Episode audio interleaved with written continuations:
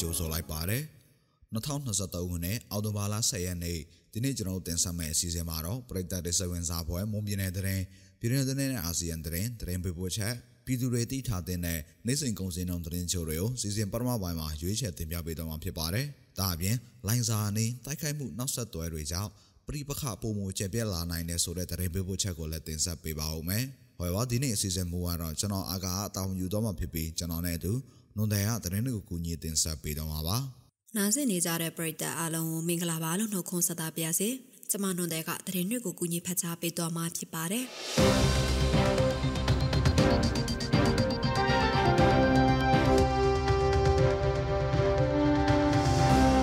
ပထမဦးဆုံးသတင်းတစ်ပုဒ်အနေနဲ့ရေးမျိုးနဲ့တောင်ပိုင်းခေါ်စာမျိုးမှာရက်စမီတာခန့်တယူနဲ့ကို 2090ကျပ်အထိဖြစ်လာတယ်လို့ဒေတာခန့်ရဆိုပါတယ်။ခေါ်စာမျိုးမှာအခုနှစ်ဩဂုတ်လအထိရက်စမီတာခတယူနဲ့ကို1800ကျပ်အထိသာကျသိမ်းခဲ့ပေမဲ့ပြီးခဲ့တဲ့လကုန်အားစပြီးတယူနဲ့ကို2090ကျပ်အထိထပ်မံတိုးမြင့်ကောက်ခံလာတာလို့သိရပါတယ်။လက်ရှိခေါ်စာမျိုးအတွင်းမှာဦးအောင်ကျော်ဆန်းဆိုသူကကိုတူခိုရာစနစ်နဲ့ရက်စစ်မီဖြန့်ဖြူရောင်းချပေးနေတာဖြစ်ပြီးမိသားကဈေးနှုန်းမြင့်တက်လာတဲ့အတွက်တုံးဆွဲသူမြို့ခံတို့အကြားအခက်အခဲတွေးကြုံလာရပါတယ်။ လက်ရှိရေမျိုးနယ်အတွင်းအော်တိုဘာလတရနေရာစပြီး73စီဈေးတွေဟာအကြဘတ်တို့ဦးတည်လာနေပါတယ်။မဟာဒတ်အားလိုင်းမရောက်တဲ့ရေမျိုးနယ်အတွင်းလက်ဆက်မီဖြန့်ဖြူရေးကိုပုဂ္ဂလိကကုမ္ပဏီနဲ့ကြေးရွာအတွင်းကိုတူခိုသားစနစ်နဲ့ပြုလုပ်ပြီးလက်ဆက်မီဖြန့်ဖြူရေးလှုပ်ဆောင်နေကြရတာဖြစ်ပါတယ်ခင်ဗျာ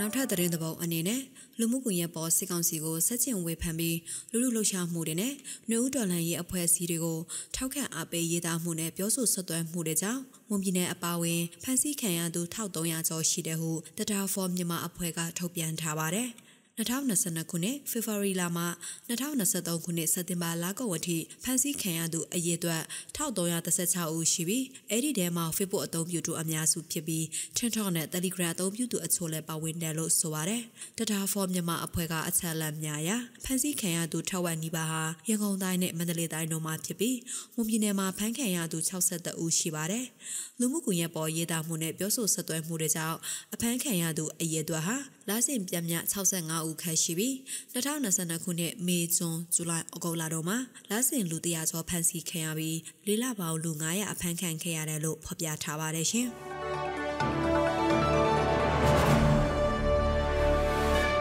နောက်ထပ်သတင်းတစ်ပုဒ်အနေနဲ့73စီစေတွေတဖြည်းဖြည်းပြန်ကျလာပေမဲ့ရန်ကုန်အပါအဝင်မြို့နယ်အချို့ဟာ73စီဆိုင်တိုင်းတွေမှာ73စီပြက်လက်နေပါတယ်73စီဆိုင်အများစုမှာ62အမျိုးအစားဓာတ်စီလုံးဝပြက်လက်နေပြီး 65အမျိုးအစားဓာတ်စီလည်းအရေးအတွက်ကန့်တန့်ရောင်းချပေးနေတယ်လို့ဆိုပါတယ်။ပြီးခဲ့တဲ့လကတည်းကဈေးနှုန်းတွေနဲ့နှိုင်းယှဉ်ရင်လက်ရှိမှာ60နဲ့အမျိုးအစားဓာတ်စီတလီတာကို459ကျပ်အထိဈေးပြန်ကျနေပေမဲ့73စီဆိုင်တွေကစီပြက်လက်နေတယ်လို့ဆိုပြီးအယောင်ပိတ်ထားတာဖြစ်ပါတယ်ခင်ဗျာ။ နောက်ထပ်သတင်းသဘောအနေနဲ့ကချင်လူမျိုးရေးအဖွဲ့ KIO KIA ဌာနချုပ်လိုင်စာမြို့ကမွန်လိုင်းခက်စစ်ပေဒုက္ခတဲ့စခန်းကိုမနေ့ကည7:00နာရီကျော်မှာစစ်ကောင်စီတပ်ကဖုံးကျဲတိုက်ခိုက်ခဲ့တာကြောင့်ကလေးတွေအပောင်ဝင်စစ်ပေဒုက္ခတဲ့29ဦးသေဆုံးခဲ့တယ်လို့သိရပါဗျ။ တေဆုံးသူတွေထဲမှာအသက်မပြည့်သေးတဲ့ကလေးငယ်10ဦးထက်မနည်းပါဝင်ပြီးထိခိုက်ဒဏ်ရာရသူ56ဦးအထိရှိနေပြီလို့ဆိုပါတယ်။အဲ့ဒီရွာဟာလိုင်စာမြို့နဲ့နှစ်မိုင်သာကွာဝေးပြီးစစ်ဘေးဒုက္ခသည်တွေခုလုံနေတဲ့ရွာဖြစ်ပါတယ်ရှင်။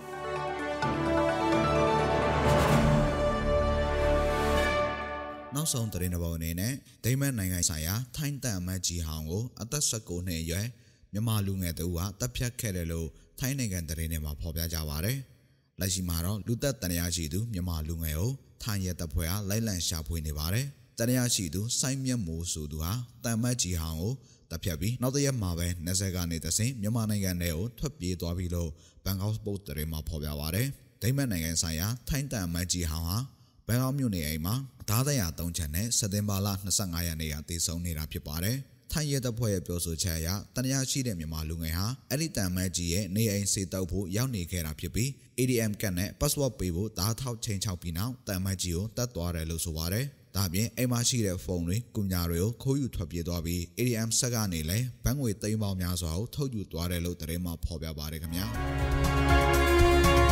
။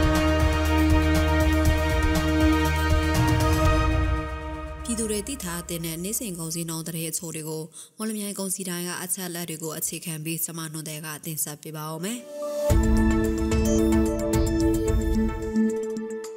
ဒီကနေ့ထိုင်းနဲ့မှာငွေလဲနှုန်းကတော့ထိုင်းဘတ်90ဝယ်ဈေးရှိပြီးတော့ရောင်းဈေးကတော့63.9လေးရှိနေပါတယ်။ဒေါ်လာဈေးကတော့အမေရိကန်ဒေါ်လာကိုဝယ်ဈေးမြန်မာငွေ3300ကျပ်ရှိပြီးရောင်းဈေးကတော့3350ကျပ်ရှိနေပါတယ်။ရွှေဈေးနှုန်းကမီလ16ပဲရည်တစ်ချက်သားကိုအပြင်ပေါက်ဈေး34သိန်းဝန်းကျင်မှာရှိနေပါတယ်။73စီတွေကတော့ဒီဇယ်တလီတာကို2330ကျပ်၊အောက်သိန်း62တလီတာကို2035ကျပ်နဲ့65တလီတာကို2135ကျပ်အထိရှိနေပါတယ်။ စံစင်းတော်ကတော့ပေါ်စံမွေ108ပေါင်အမြင့်ဆုံးကို36000ကျပ်အလလက်တန်းဆက်အမျိုးအစားပေါ်ကျွဲ108ပေါင်အနှိမ့်ဆုံးကို9500ကျပ်နဲ့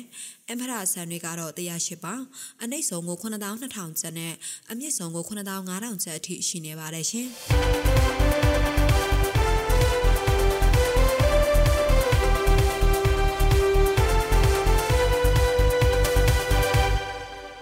ဆက်ပေးသွားခဲ့တာကအော်တိုဘာလ10ရက်နေ့မှာဖြစ်ပျက်ခဲ့တဲ့မွန်ပြည်နယ်တရင်ပြည်တွင်းတရင်နဲ့အာဆီယံတရင်တွေအပြင်တနိဒာစီစိငွေစင်းနဲ့ကုန်စည်နှုန်းတွေကိုတင်ဆက်ပေးသွားခဲ့တာဖြစ်ပါတယ်။ဆက်လက်ပြီးတော့လှိုင်းစာအနီးတိုက်ခိုက်မှုနောက်ဆက်တွဲတွေကြောင့်ပရိပခပုံမှုကျေပြလာနိုင်တဲ့ဆိုတဲ့တရင်ပေးပို့ချက်ကိုနဒီရတင်ဆက်ပေးပါဦးမယ်။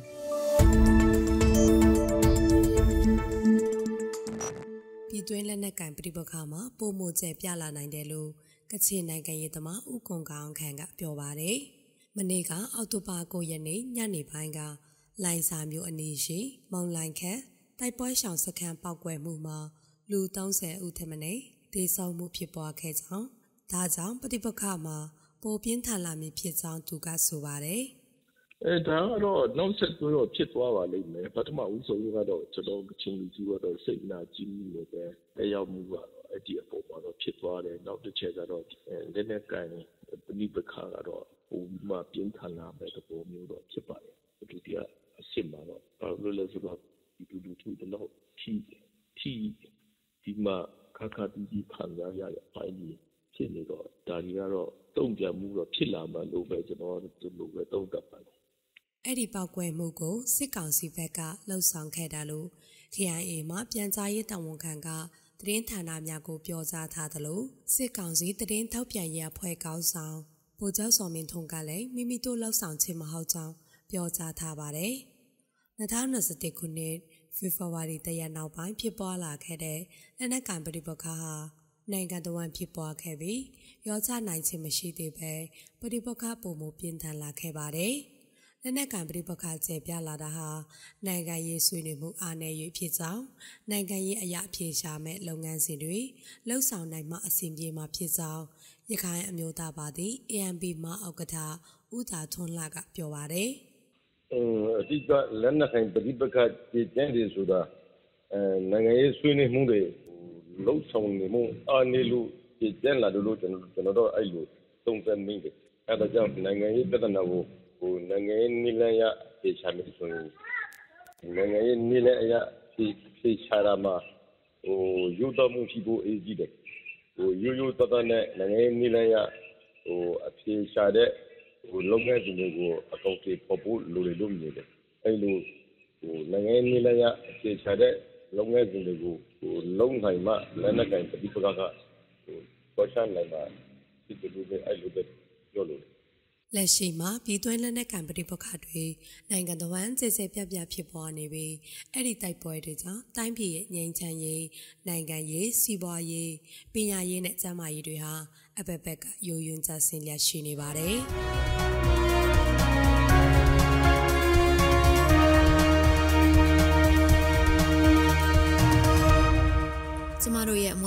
Podcast အစီအစဉ်ဒီမှာတင်ပြီးဆုံးပါပြီ။နားဆင်နေကြတဲ့ပရိသတ်အားလုံးကိုနောက်နေ့အစီအစဉ်တွေမှာဆက်လက်အားပေးကြပါဦးလို့ဖိတ်ခေါ်ရင်းအစီအစဉ်ကိုဒီမှာပဲအဆုံးသတ်ပါရစေ။အားလုံးကိုကျေးဇူးတင်ပါတယ်ရှင်